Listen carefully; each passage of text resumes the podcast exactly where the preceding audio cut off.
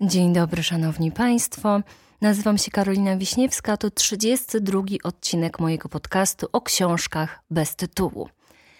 Chwilę mnie nie było, mm, ale wynika to z tego, że o dziwo nie da się złapać wszystkich srok za ogon. Szok i niedowierzanie. A moje obecne obłożenie pracą spowodowało, że musiałam przeorganizować pewne sprawy i ustalić priorytety. Bardzo ważne jest dla mnie również wsparcie moich patronów – więc dziś wyjątkowo na początku chcę im podziękować za to, że są ze mną i że mnie wspierają i trzymają kciuki i bardzo mocno we mnie wierzą. Kasia, Łukasz, Marcin, Kasia, Tomek, Piotr, Magda i Piotr oraz wszyscy, którzy doraźnie wspierają mnie przez symboliczną kawę. Jesteście najlepszą grupą wsparcia, y, jaką mogłam sobie wymarzyć. Absolutnie, dziękuję Wam. Mam nadzieję, że prezent świąteczny Wam się podobał i było mm, miło Wam zobaczyć, jak wygląda moja praca z poziomu szafy. A nie było łatwo przyznać się do tego, że kiedy nagrywam y, mój drugi program Kartkując Mikrofon, czyli cotygodniowe audiobooki w odcinkach, to mylę się, poprawiam i generalnie nie jestem idealna.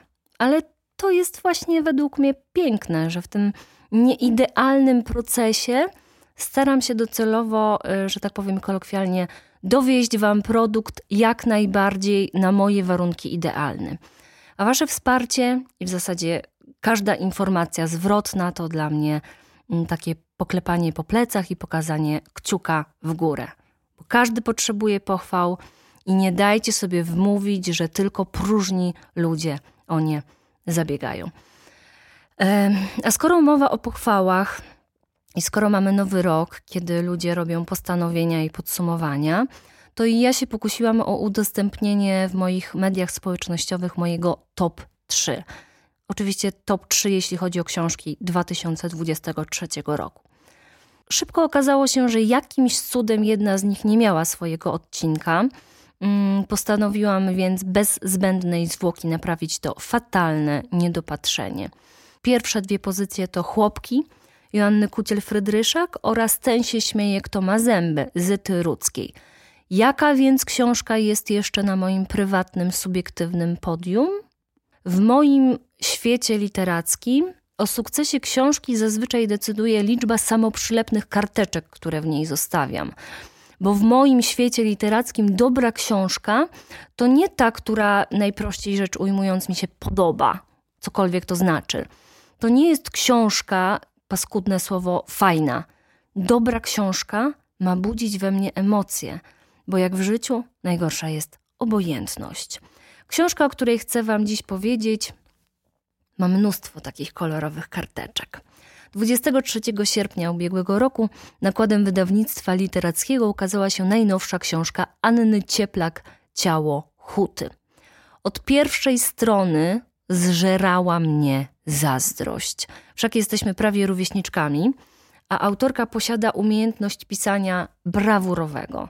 Ponad 300 stron wspaniałej historii, którą czyta się jednym tchem. W dodatku jest tak niezwykle trafna i autentyczna e, w przedstawieniu zmian w sposobie życia na przestrzeni pokoleń, e, że nie sposób przejść obok niej obojętnie.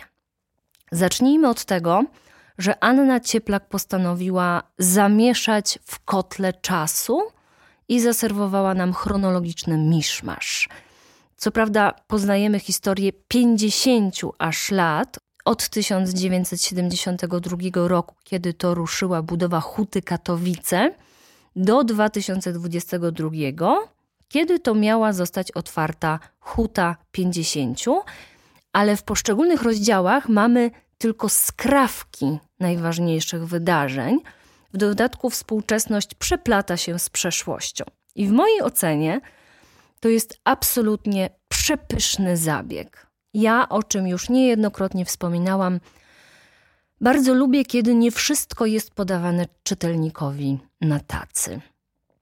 Podczas lektury tej książki nie mogłam wyzbyć się takiego ciągłego powrotu myślami do Zygmunta Baumana i jego książki Płynna Nowoczesność. Dlaczego? O tym za chwilę. Gospodarka dekady Edwarda Gierka, choć finansowana z ogromnych kredytów zagranicznych, oparta była na programie budowy Nowej Polski. I w takim duchu rozpoczynamy lekturę ciała Huty. Właśnie wbito pierwszą łopatę pod budowę Huty Katowice. Ewa, Ula i Zygmunt poznają się na konkursie piosenki. Młodzi, pełni zapału, chociaż każde z nich inne. Mm, wiedzą, że huta to ich szansa na lepszą przyszłość. Co prawda, y, pod budowę tejże huty wykarczowano ogromną część lasu, ale jest to gra warta świeczki. Huta staje się miejscem, wokół którego krąży wszystko inne, które nadaje nie tylko rytm, ale też sens życia. Jakbyśmy się głębiej nad tym zastanowili, to każda taka inwestycja była jak obietnica Eldorado. Jeśli w miasteczku powstawał duży zakład produkcyjny, to stawał się on miejscem pracy, miejscem spotkań i właśnie sensem życia. Ludzie pracowali w jednym miejscu przez całe swoje życie. W ogóle, moi młodzi słuchacze, czy potraficie to sobie wyobrazić? Pracować przez całe życie w jednym miejscu? Dla tych ludzi utrata tej pracy wiązała się z utratą tożsamości. Dziś nie do pomyślenia, prawda? I o tym właśnie pisał Bauman, i to unaoczniła Cieplak. Pokolenia naszych dziadków i rodziców w stałym zatrudnieniu odnajdywały poczucie bezpieczeństwa. Nam trudno usiedzieć w miejscu, my chcemy zmian. Jak się gdzieś zasiedzimy, to portki nas swędzą i musimy uciekać. Tak teraz wygląda życie w ciągłym biegu. Historia Ewy, Uli i Zygmunta, a także tatka to jedno, ale mamy też płaszczyznę współczesną. Poznajemy tam Maję, córkę Uli. Maja jest idealnym przykładem zmian w podejściu do życia na przestrzeni lat. Jest bystra, inteligentna, planuje doktorat, jest pełna pasji. Przy tym nie do końca potrafi określić, kim jest i co naprawdę chce zrobić ze swoim życiem. Dziś może komplikować sobie życie w Polsce, wzdychając do żonatego Kamila, jutro może w Rumunii całować się z leżącym w pustej wannie Michałem. Nie ma żadnego problemu. Nigdzie się nie zakotwicza, nic nie musi. Wszystko może. Mm, zaciera się jej granica między wszystko mogę, a nie wszystko powinnam. To taka bohaterka, która nie wzbudza bezwarunkowej sympatii, ale której mimo wszystko się kibicuje. Mimo tych przywar, które są niejako definicją naszych czasów, Maja obserwuje swoją matkę, jej przywiązanie do huty i zdaje sobie sprawę, że po pierwsze huta to było dla pokolenia jej rodziców coś na kształt hermetycznego środowiska, jakby miasto w mieście, a po drugie, że skrywa więcej tajemnic niż jej się wydaje i Maja postanawia te tajemnice odkryć.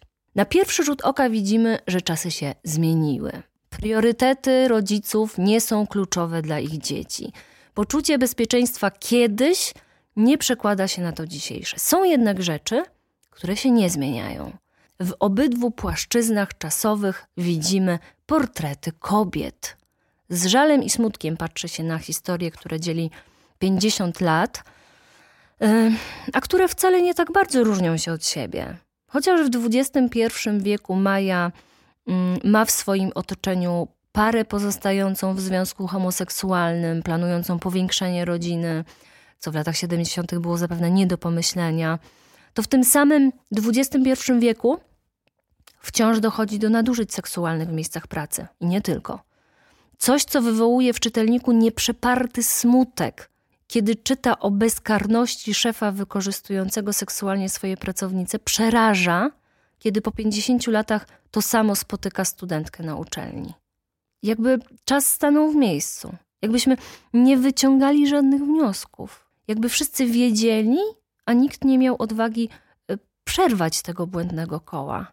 Cieszę się, że Cieplak się od tego nie odwróciła, mm, że nie bała się poruszyć takich trudnych tematów.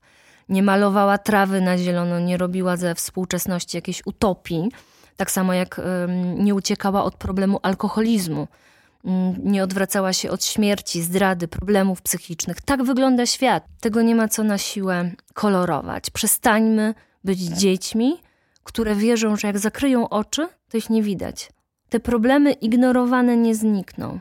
Nie, trzeba się nimi zająć w zupełnie inny sposób.